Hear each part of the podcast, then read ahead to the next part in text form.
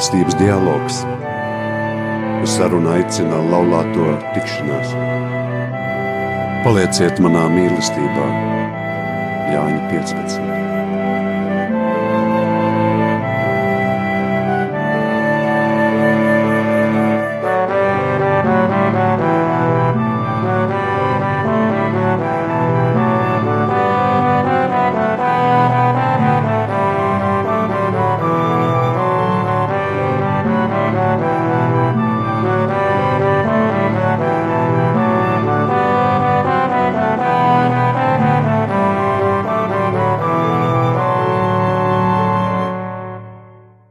Labvakar! Mīļi sveicam jūs šajā februāra vakarā. At, ar jums atkal kopā ir apvienības laulātu tikšanās raidījums Mīlestības dialogs, un mēs, Edgars un Sīta, joprojām turpinam runāt par dialogu un arī jūs aicinam uh, domāt par to, un kā tas var palīdzēt uzlabot mūsu laulības dzīves kvalitāti un kontaktēties ar apkārtējo pasauli. Šoreiz gan raidījums būs nedaudz citādāks nekā ierasts, jo mēs iztiksim bez viesiem un paši mēģināsim runāt par šo nebūtu nevieglo tematu. Ir laiks, kad parasti lielveikalos un radiostacijās skan mīlas dziesmas, visur sarkanas sirdis, īpaši jaunieši ir ļoti satraukti. Pēc piecām dienām TV kanāli rādīs romantiskas filmas.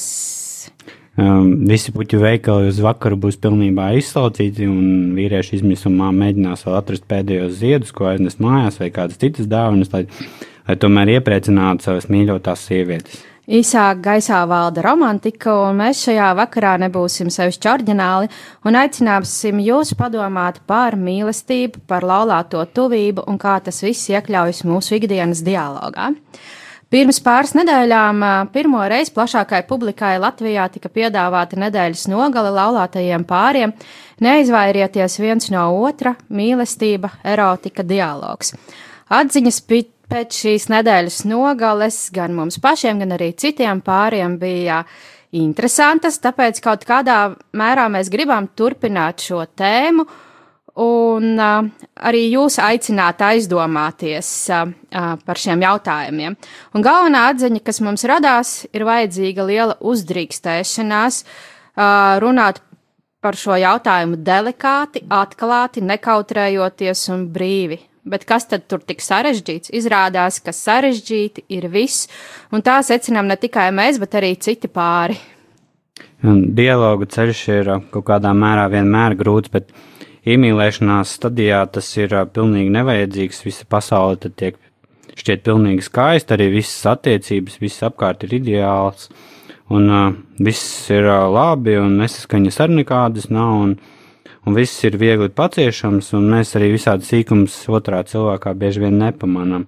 Mums tas galīgi neliekas tajā brīdī svarīgi, bet, uh, nu, īstenībā jau ir mīļi vārdi, un, un tā, tā klātbūtne, pieskārieni, visādas dāvanas ir normāla parādība, un, un uh, tomēr tas arī kaut kādā mērā ļoti egoistiski, ka, ka man ir labi, un tad uh, viss ir kārtībā, bet pie tā viss ļoti ātri pierod kaut kādā mērā, un, un tad parādās kaut kādas lietas, kas tajā otrā cilvēkā nepatīk, un, un sākas kurnēšana, un par kaut kādām lietām ir jāpiespiežas, un kaut kas jāmēģina saprast, bet, eh, bet eh, tas nav īpaši ērti, un tad tiek meklēti kaut kādi trūkumi otrā cilvēkā, un, un tad tās domas viņam kaut kādas interesantas parādās, neinteresantas, pareizāk sakot, pretrunā manējām, un, Un uh, viss tas process sākas diezgan ātri, ātri iestājas tā rutīna. Un, ja vēl gadās dažādas audzināšanas, vai arī vērtību izpratnes, vēl kaut kādi briesmīgi ieradumi, kas briesmīgi kaitina, tad uh, atvien parādās domas, ka varbūt mums tomēr vajadzētu šķirties, meklēt kaut kādu nākamo,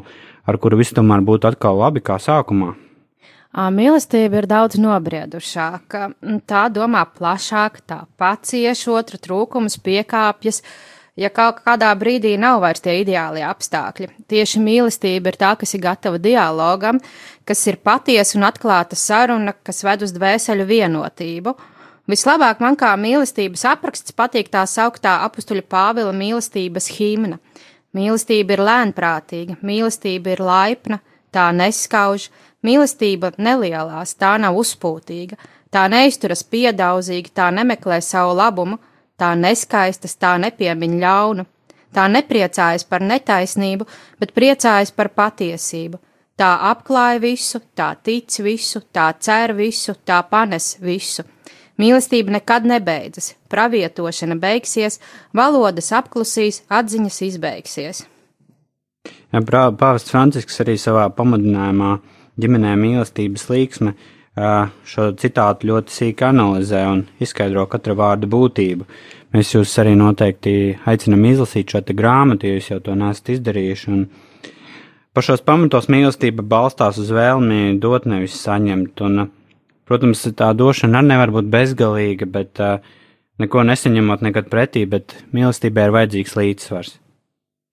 Tāpat Pāvests Francisks šajā pat grāmatā mīlestības līksme norāda, ka pats Dievs ir radījis seksualitāti, ka tā ir brīnišķīga dāvana viņa radībām un turpat svētais tēvs atsaucas arī uz svēto Jāni Pāvilu II, kas noraidīja domu, ka baznīcas mācība paredzētu cilvēka seksualitātes noliekšanu vai tikai pieciestu seksualitāti, jo tā ir nepieciešama uh, pēcnācēju radīšanai. Laulāto seksuālās vajadzības nav nicināmas un nekādā veidā nav apšaubāmas. Izrādās šī ir pietiekami aktuāla tēma, tēma, ka par to runā arī pats svētais tēvs. Un Mīlestības līksmē ir arī teikts, ka seksualitāte nav atlīdzība vai izklaides veids, tā ir saziņas valoda, kurā otrs cilvēks tiek uztverts nopietni, ar viņa svēto un neaizskaramo cieņu. Tādējādi cilvēka sirds kļūst līdzdalīga cita veida spontanitātē. Šajā kontekstā arī erotika atklājas kā specifiski cilvēka seksualitātes izpausme. Mēs nekādā gadījumā nedrīkstam mīlestības erotisko dimensiju uztvert kā ļaunumu vai slogu, kas jāpanes ģimenes labumā. Tā jāuztver kā dieva dāvana, kas izdēļo laulāto kopdzīvi. Kaislība, ko cēlu darījusi mīlestība, apbrīno otra cilvēcisko cieņu, un tāpēc šī erotiskā dimensija kļūst par vispilnīgāko un vistīrāko mīlestības apstiprinājumu, kas mums parāda uz kādiem brīnumiem spējīga cilvēka sirds. Redziet, cik, cik šī tēma tomēr izrādās svarīga, kad svētais tās to tik ļoti analizē. Un mēs kā laulāto tikšanās kustībā uh, visu laiku pieminam šādu vārdu, kas varbūt jums sen ir apli, apnicis, bet uh, kas ir mūsu pamats - dialogs. Un tas ir patiesa atklāta saruna, kas veicina, aicina vairāk klausīties nekā runāt, saprast nevis tiesāt, dalīties nevis diskutēt un pāri visam piedot. Un arī par šo vārdu Pāvests Francisks ir runājis savā pamudinājumā ģimenē mīlestības līksme, viņš ir teicis, dialogs ir privileģēts un neaizstājams veids, lai dzīvotu, attīstītos un izteiktu mīlestību laulībā un ģimenes dzīvē. Tomēr tas pieprasa ilgu un grūtu praksi vīriešiem un sievietēm, veciem un jauniem, ir dažādi komunikācija veidu, viņi izmanto citas valodas un pielieto citus kodus. Veids, kā tiek uzdoti jautājumi, dodas atbildes, Izmantots balss tonis un daudzi citi faktori var ietekmēt komunikāciju, tomēr nepieciešams attīstīt konkrētu attieksmi, kas ir mīlestības izteiksme un dara iespējamu patiesu dialogu. Arī runājot par laulāto intīmo tuvību, nekādi neiztikt bez dialoga. Lai uzlabotos laulības dzīves kvalitāte, dialogam jāskar visas dzīves jomas, un viens no sarežģītākajiem dialogiem ir tieši par šo laulāto tuvību. Kāds tur teiks, nu, ko tur daudz runāt, vajag vienkārši ar to nodarboties. Taču te ir runa par diviem cilvēkiem, kas ir unikāli un īpaši neatkārtojami, kas ir sanākuši kopā un izveidojuši vienu ģimeni. Un katram no šiem cilvēkiem ir sava bagāža, kas nāk no mājām, kurās viņi ir auguši, no skolas laikiem. Uh, to ir ietekmējuši draugi, apkārtējie cilvēki, masu mēdīji. Un uh, tur ir arī ievainojumi, ko mēs esam guvuši šajā ceļā. Un tas ir krājies, un nu, mums ir pretī vēl viens cilvēks ar savu bagāžu, ar savu uzskatu par pasauli. Uh, Un nereti, kad mēs izveidojam laulību, tā arī ir vieglāk, ka mēs nemaz tur baigi nemēģinām visus jautājumus pārspriest un izcilāt, jo mēs varbūt kautrējamies izteikt savas vēlmes, savas ilgas, Jo, jo nu, kā tas būs, ka mēs apsēdīsimies kādā vakarā uz dīvāna, sāksim runāt, un tad atklāsies, ka viss jau ir labi, bet, šie bet turpinās un turpinās un turpinās. Um, Tad, beigās viss ir pilnīgi slikti. jā, tad beigās viss ir pilnīgi slikti. Um, tāpēc, nu, labāk ir tā, ka mēs tā kā nemaz necelājam to visu, vienkārši dzīvojam viens ar otru kopā. Nu, varbūt kaut kas nepatīk, tad mēs to paciešam un uh, velkam līdzi sev, jo vienkārši baidamies no nosodījuma, varbūt baidamies, ka otrs vienkārši pārstās mīlēt. Nu jā, kāds teiks, ko tur nepateikt, to, kas nepatīk. Bet, nu, ticiet, man daudziem ir uh, tik ļoti svarīgi saņemt to mīlestību, būt novērtētam savā tuvākā cilvēka acīs. Un uh, mēs neuzdrošināmies pateikt tādas vienkāršas lietas, kā piemēram, uh, neaiztiec manas matus, man driebis, ka tu to dari, vai, vai tieši pretēji man tik ļoti patiktu, ka man masātu galvu, bužinātu matus, vai, vai kādreiz man pamasētu muguru, lai man nav vienmēr divas nedēļas jāsteigā pakaļ un jālūdzās, vai, vai tajā procesā nesteigtos pārāk ātri, vai arī visu tieši otrādi nevilktu garumā ar bezjēdzīgām sarunām. Bieži vien mēs esam pārāk kautrīgi, lai par to runātu, un nu, varbūt tieši tāpēc, ka neviens ar mums nav runājis par to, kā par to būtu jārunā, un mēs savās vecāku mājās arī neesam redzējuši un piedzīvojuši kaut kādas uh, siltas attiecības starp vecākiem, un uh, mums arī kaut, kāda, kaut kāpēc ir kauns uh, par to visu runāt, un, un tās domas vienu uzdzen bailes, kā otrs to visu uztvers, varbūt nesapratīs, varbūt nosodīs, varbūt vispār pateiks, ka man tāds vīrs vai sieva nav vajadzīgs, un attiecības būs pilnīgi sabojātas. Un gal galā ir arī tas uzskats, ka tā ir tēma, par kuru neviens normāli taču nerunā. Uh, visi it kā kaut ko skaidri zina, ir kaut kādas eh, noteiktas klišejas, bet runāt par to kauns. Nu, vismaz mums šīs sarunas nekad nav vieglas. Pirms kāda laika manās rokās nonāca tāda spēle, kuras nosaukums ir kaislības spēle. Cik zinu, tur ir dažādi varianti, un spēles būtība ļoti vienkārši, ka pāris izvēl kartiņu un tad izpilda to, kas tur ir rakstīts. Ļoti vienkārši. Tiesa spēles noteikumos ir vēl viens punkts, ka mēs viens ar otru pārunājam, to, kas tur ir rakstīts, jo jābūt cieņai vienam pret otru. Un tad es aizdomājos, cik tas ir patiesībā sarežģīti. Man ir sarežģīti atklāt cilvēkam, ar kuru es kopā esmu jau kādus 15 gadus, kas man patīk, kas man nepatīk, un to pamatot. Varbūt tas ir raksturīgs paudzei, kas ir augusi laikos, kad nekā tāda jau nebija, un par to nebija pieklājīgi runāt, taču šis bloks ir. Un um, ir jāmācās izrunāt visas šīs dzīves jomas, uh, arī ši, šī laulībā tik būtiska lieta, uh, nevis to, tas vienkārši klusumā jāpieņem.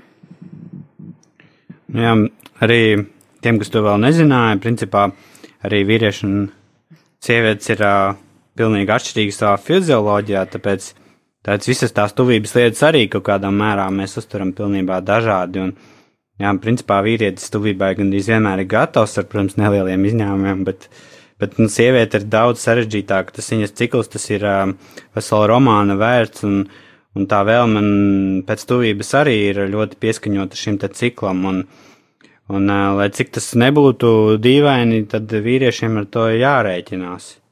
Protams, arī tīri vienkārši nerunājot par fizioloģiju, atšķirās arī mūsu vīriešu un sieviešu uztvere un arī komunikācijas veids. Bet, nu, vīrietim nākas ar visām šīm grūtībām rēķināties, un, un bieži nākas gaidīt cikla sākumā, kad beidzot pienāk šī iespēja tuvībai, bet sieviete jau ir, ir pat varētu teikt ļoti sarežģīta būtne, un viņa nekad skaidri arī nepateiks, kad ir tas īstais brīdis, viņa dos visādus mājienus, un tad vīrietim būs tas sarežģītais uzdevums to visu uzminēt un atklāt uh, sievietes noslēpumu. Nu, pēc savas pieredzes varu teikt, ka es uh, parasti jau izgāžos visās šajās mājās un diezgan regulāri saņemu tādu tekstu, ka es tekšu tev jau cik ilgi dienas māju. Un, uh, jā, bet uh, atšķirjās, protams, arī tas, kā mēs uzturam visas lietas, kas ir mums apkārt, kas mums ir vajadzīgs, lai notiktu šī tuvība. Un, un, man kā vīrietim bieži vien baigie tādi ievadi nav vajadzīgi, bet, bet reizēm atkal tas ir ļoti patīkami.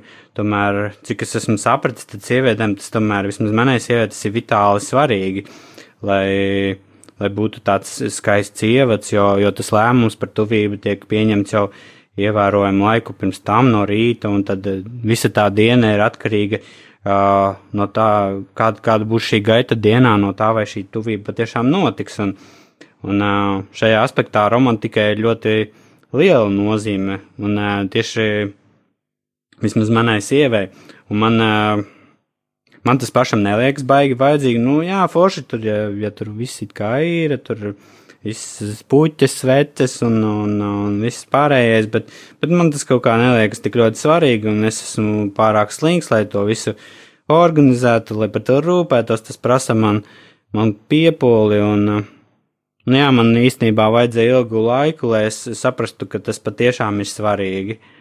Un, uh, uh, jā, un tāda, tāda parasta lieta, kā vienkārši uzdāvināt sievai puķis, kas man tagad liekas pilnīgi pašsaprotama lieta. Agrāk man likās, nu, priekš kam tas vajadzīgs, vienreiz kāzās uzdāvināja, puķis pietiek, principā. Un, uh, jā, arī kaut kādā veidā tā komunikācija, kā mēs komunicējam par saimnieciskām lietām, uh, kādreiz pateikt, man pietiek, man vienkārši pateikt kaut kādu skarbu frāzi, un, un sieva vienkārši apvainojas uz mani, un, un tad tā tuvība izpaliek. Un, un man jau, protams, liekas, ka no ko viņa tur visu laiku cepās par kaut kādiem sīkumiem, es jau neko tādu nepateicu briesmīgi, un, un uh, principā es tādu kaut kādā mērā jūtos piekrāpts un nesaprasts. Uh, uh, bet uh, jā, es nesaprotu vienkārši šādu sievietes motivāciju. Un ir ceļš, kad uh, es jau varbūt kādreiz esmu speciāli noskūjis priekš tam bārdu un, un, un visu laiku apnicis klausīties, kā tu, kad tu beidzot nodzīst to bārdu un, uh, un tā tālāk, bet uh, es tā esmu pūlējies un, un vispār izsakot nevar saprast nevelti par, par šo te sievietes dabas izpratni, ka tas ir pilnīgi neiespējama lieta, ir pat anekdotas. Uh, jā, mēs sievietes esam tiešām daudz sarežģītākas. Um, nu, mums dažreiz pašām sevi ir grūti saprast, un kur nu vēl vīrietim, kas mums ir līdzās.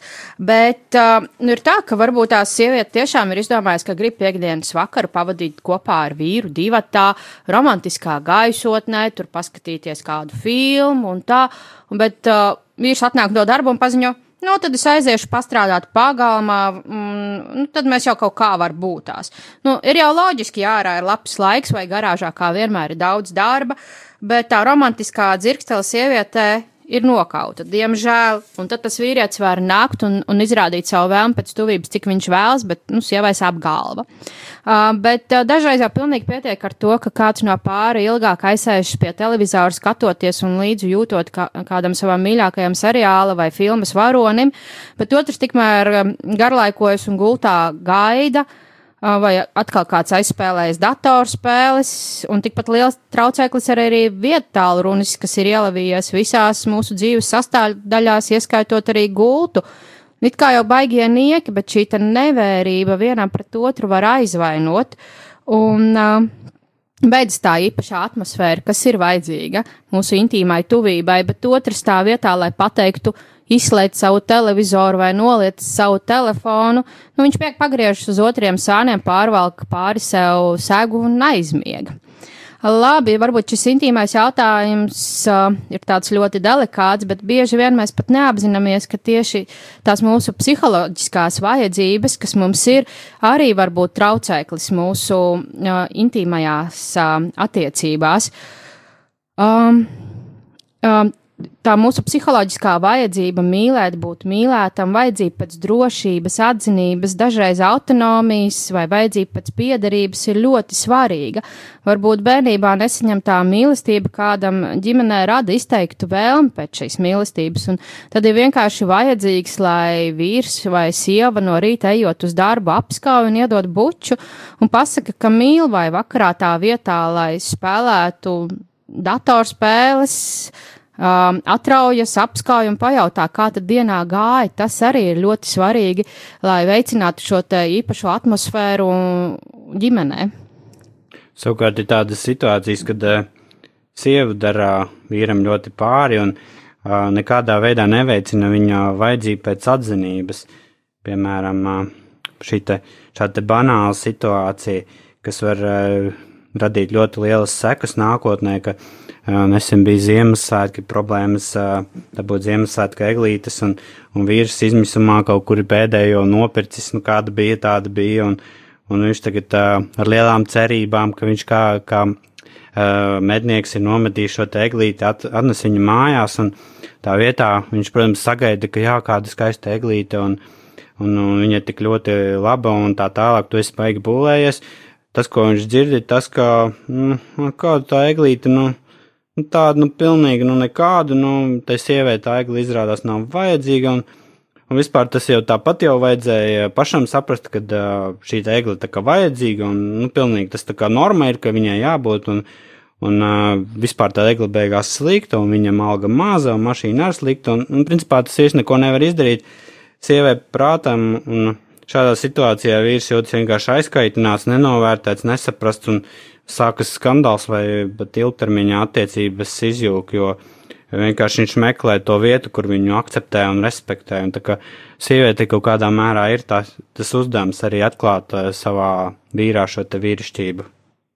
Um, tomēr kaut kādos konfliktos vai kaut kādās nesaprašanās uh, vajag atcerēties, ka seksuālās attiecības nedrīkst kļūt par šantāžu vai par manipulēšanas ieroci. Arī Pāvests Francisks mīlestības līksmē norāda, tiešām nevaram ignorēt arī to, ka daudzreiz seksualitāte kļūst bezpersoniska un arī patoloģiska. Tā kā aizvien lielākā mērā kļūst par izdevību un līdzekli, lai apmierinātu savu es, lai egoistiski apmierinātu sava, savas paša vēlmes un instinktus. Mūsdienās ir paaugstināts risks, ka indīgais izmanto un aizmet gars pārņem arī seksualitāti ar otra cilvēku miesu bieži manipulē kā ar lietu, kas paturama, kamēr sniedz apmierinājumu, un ko var noniecināt, ka tā zaudē savu pievilcību. Vai tiešām varam ignorēt vai izlikties nemanām patstāvīgās uzkundzēšanās, despotisma, eksploatācijas, izvērtības un seksuālās vardarbības formas, kuras rodas no izkropļotas izpratnes par seksualitātes nozīmi, un kuras šaubīgos sevis meklējumos aprok citu cilvēku cieņu un aicinājumu uz mīlestību. Protams, ir arī citi smagi jautājumi, kurus pārim ir grūti izrunāt, jo ir bailes no nosodījuma, neizpratnes. Teiksim, pārim ir grūti pārunāt intīmās tuvības aspektus, ja ir kādas veselības problēmas, kuru dēļ tuvība ir ierobežota, ja varbūt ir problēmas ar potenci vai ir atkarība no pornogrāfijas, Tāpat jautā, smags jautājums ir auglības, jeb dabiskās ģimenes plānošanas metodas jautājums ģimenē. Taču, mm, lai dialogs arī par citiem jautājumiem varētu sākt veid, nu, veidoties vieglāk, ir jākāpār, jāpārkāp pāri šiem sarežģītajiem jautājumiem un jāizrunā visas nianses, neapmierinātība, bailes un uh, kas ietekmē šo te intīmo tuvību, un tad arī citas jomas var sākt sakārtoties, jo nebūs vairs šo te šķēršļu. Un tagad uh, mēs jūs nedaudz ļausim atpūties, atpūsties ar dziesmu, un kā radās šī dziesma, tā bija vienkārši pirmā spontānā doma, kādu dziesmu mēs varētu ņemt šim te tematam.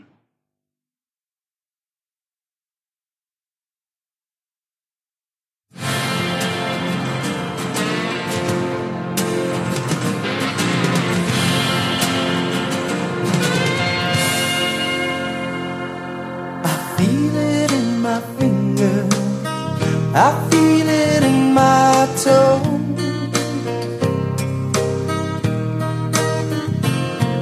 Love is all around me, and so the feeling grows.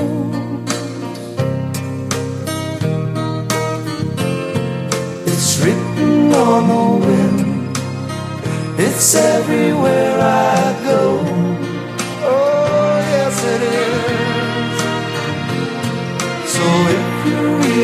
love me, come on and let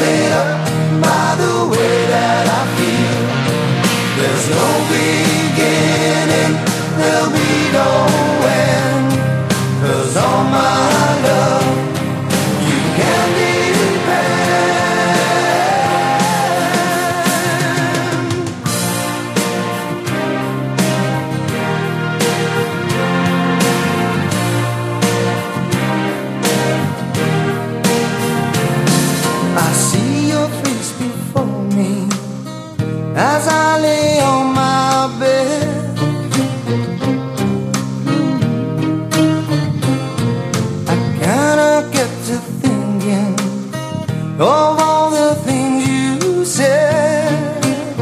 Oh, yes, I did. You gave your promise to me, and I give mine to you.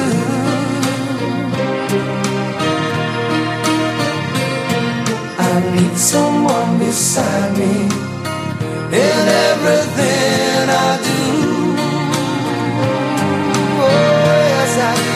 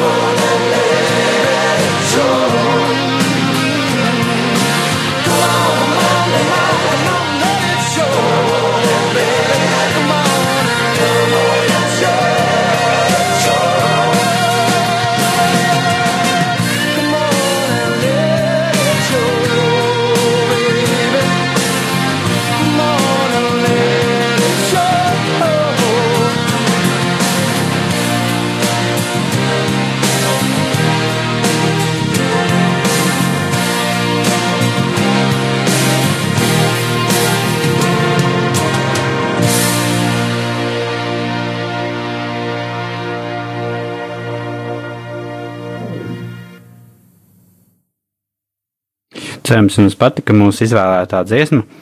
Joprojām mēs esam apvienības laulāto tikšanās raidījumā mīlestības dialogs, un joprojām šeit esam mēs, Edgars un Sigita. Mēs aicinām jūs arī ikdienā runāt vienam ar otru, veidot savu dialogu, arī apmeklēt mūsu organizētās rekolekcijas un mazās grupas, ja jums patīk tas, kā mēs to darām. Par tām informāciju jūs varat atrast mūsu interneta vietnē www.laulātiem.lv vai sekojiet mums Facebook lapā. Savukārt, eh, nākamais redzējums mums ēterā būs 8. martā. Jūs arī variet mums sūtiet, eh, sūtīt Facebookā savus ierosinājumus, kādas tēmas mums vajadzētu šeit skart, ja jums liekas kaut kas ļoti aktuāls, par ko mēs spītīgi nerunājam. Bet, ja jums liekas, ka mēs pārāk ātri no jums atvadamies, tā gluži nav. Jo kā būtu ar mīlestības vēstuli?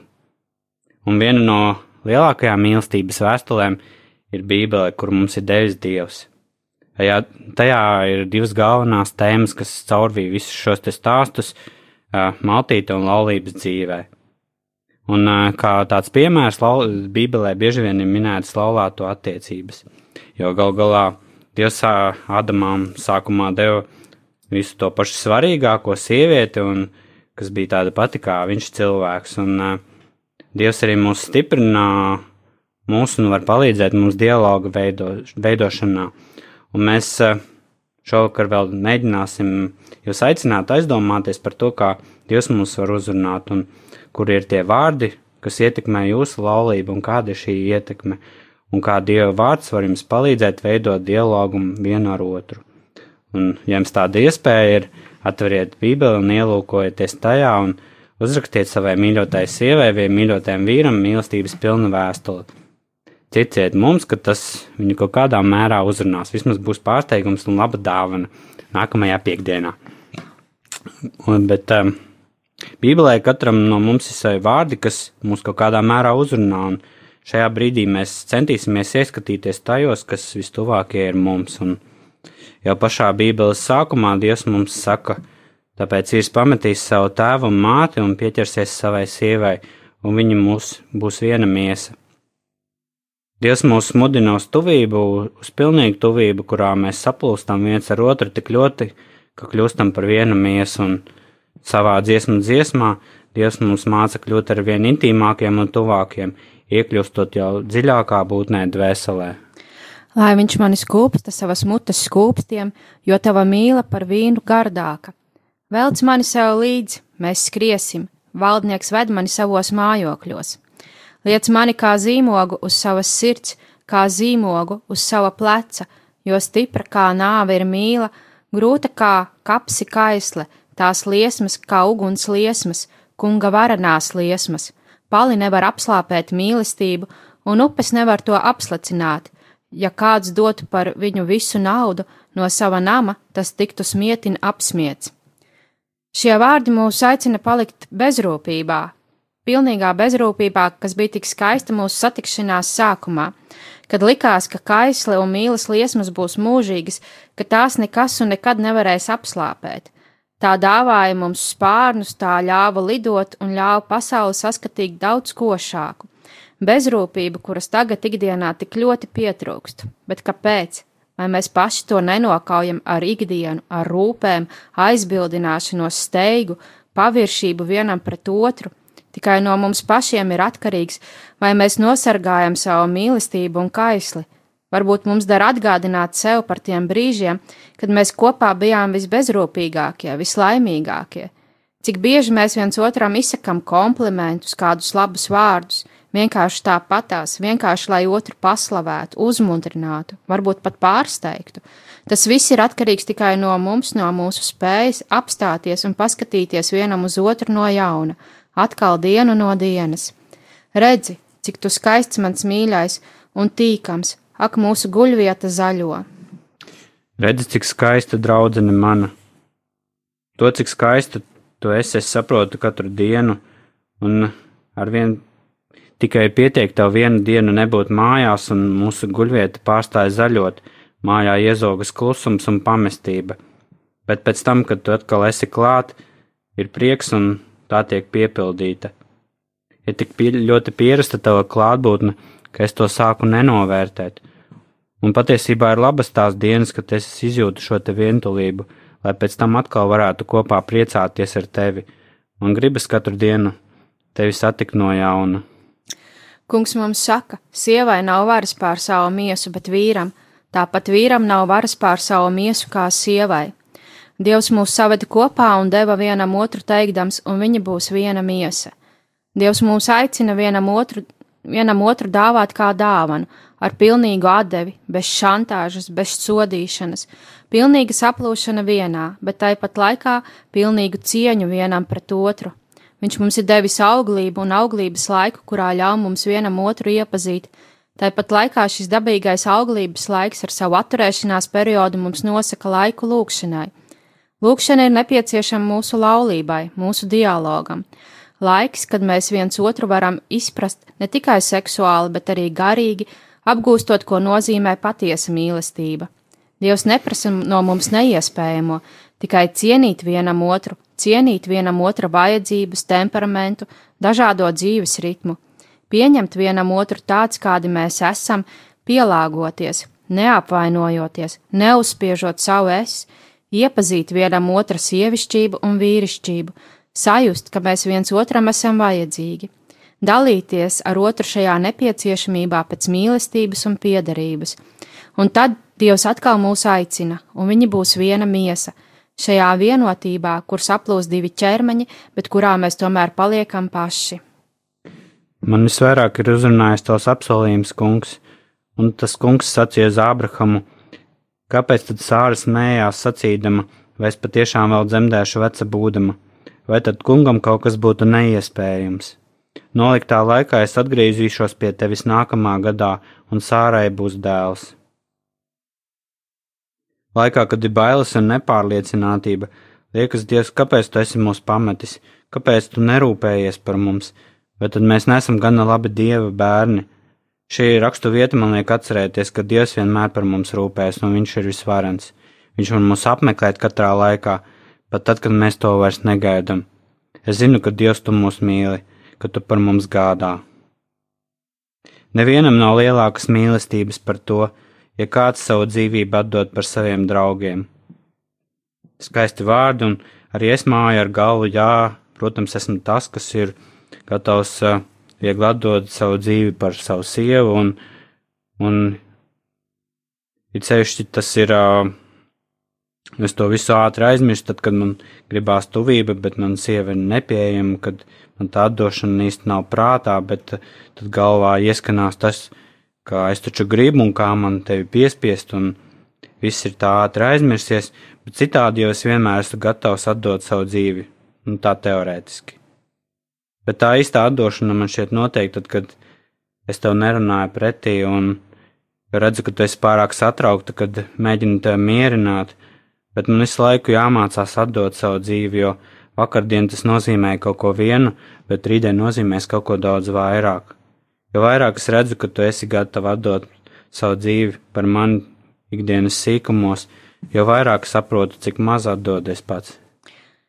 Mīlestība ir pacietīga, mīlestība ir labvēlīga, tā nav greizsirdīga, mīlestība nelielās, tā nav uzpūtīga, tā nav nepiedienīga, nemeklē savu pašu labumu, neskaišas, nepiemiņ ļaunu, tā nepriecājas par netaisnību, bet priecājas par taisnību, tā panes visu un uzticas visam, tā cer uz visu un iztur visu.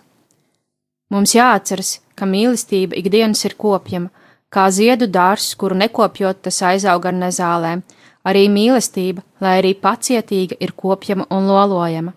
Patiesā mīlestībā mēs esam gatavi otru pieņemt tādu, kāds viņš ir, ar viņa ieradumiem, kas mūs tracina, ar viņa vērtībām, kas varbūt atšķiras no mūsējām, ar vajadzībām, kas ir pretrunā manējām. Mēs esam gatavi lēnprātībā paciest otra kaprīzes slimības brīžos, jo zinām, ka otram ir slikti, bet gribas, lai ir labi. Mīlestība pacieš arī kopīgās grūtības, kad Dievs un dzīve ievieš savas korekcijas, kas ir pretrunā mūsu iecerēm. Man tiešām ir grūti pieņemt daudzas lietas, kas noris mūsu dzīvē. Man ir ātra daba un daudz gribas kontrolēt, bet es esmu gatava padoties daudz problēmu priekšā. Tad man palīdz tava nosvērtība un miers, kas atgādina, ka mīlestība nav tikai skaistie brīži, ka mīlestība ir arī šādas situācijas, kad ir grūti un līst asaras, kad jāatceras dialoga dāvana, ka mīlestība ir piedošana. Es izvēlējos tevi un esmu pateicīga, ka ar savu nosvērtību tu spēj mani turēt grožos un likt saprast, ka patiesa mīlestība nav kaprīza un vāja. Tā panes visu un uzticas visam, tā ir ar cerību. Nevis domājot, liekas, ka tā mana mīlestība ir gandrīz ideāla, gandrīz tāda kā es, bet pagavējies tā var teikt, liekot roku uz sirds, ka manī tiešām nav ne gribatas greizsirdības, lielības un uzpūtības, egoismu, un es ne, nekad nemeklēju savu labumu, visu panesu, visu izturu, un, protams, ka nē, es neesmu, bet es esmu ceļā uz to, un paldies, ka tu esi man dāvājis šo laiku, kad eh, es jau biju greizsirdīgāks, lielīgāks, un ka tu esi mani mīlējis ar visām manām nepilnībām, kā Jēzus visus mūs mīl.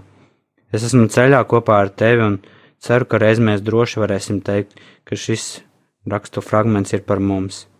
Bet pagaidām es centīšos jau bieži lietot vārdus paldies, lūdzu un piedod, jo viss maigums un tuvība, ko no tevis saņemu, ir tava dāvana, un man tāpat pretī ir jādāvina tā no sevis ar vārdiem lūdzu, lai tev gribētos teikt paldies.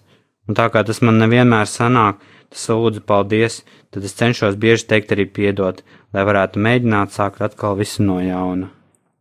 Dievs mums saka, palieciet manā mīlestībā un mīliet viens otru, kā es jūs mīlu.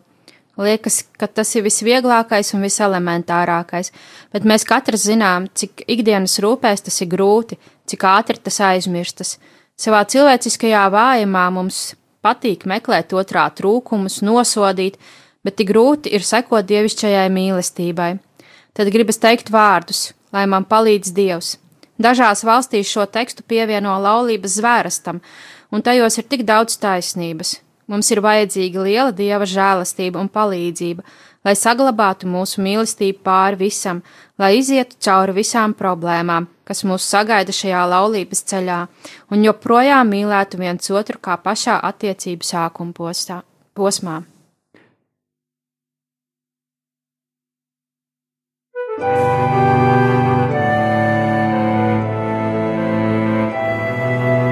Mīlestības dialogs. Uz sarunu aicina laulāto tikšanās. Palieciet manā mīlestībā, Jāņa 15.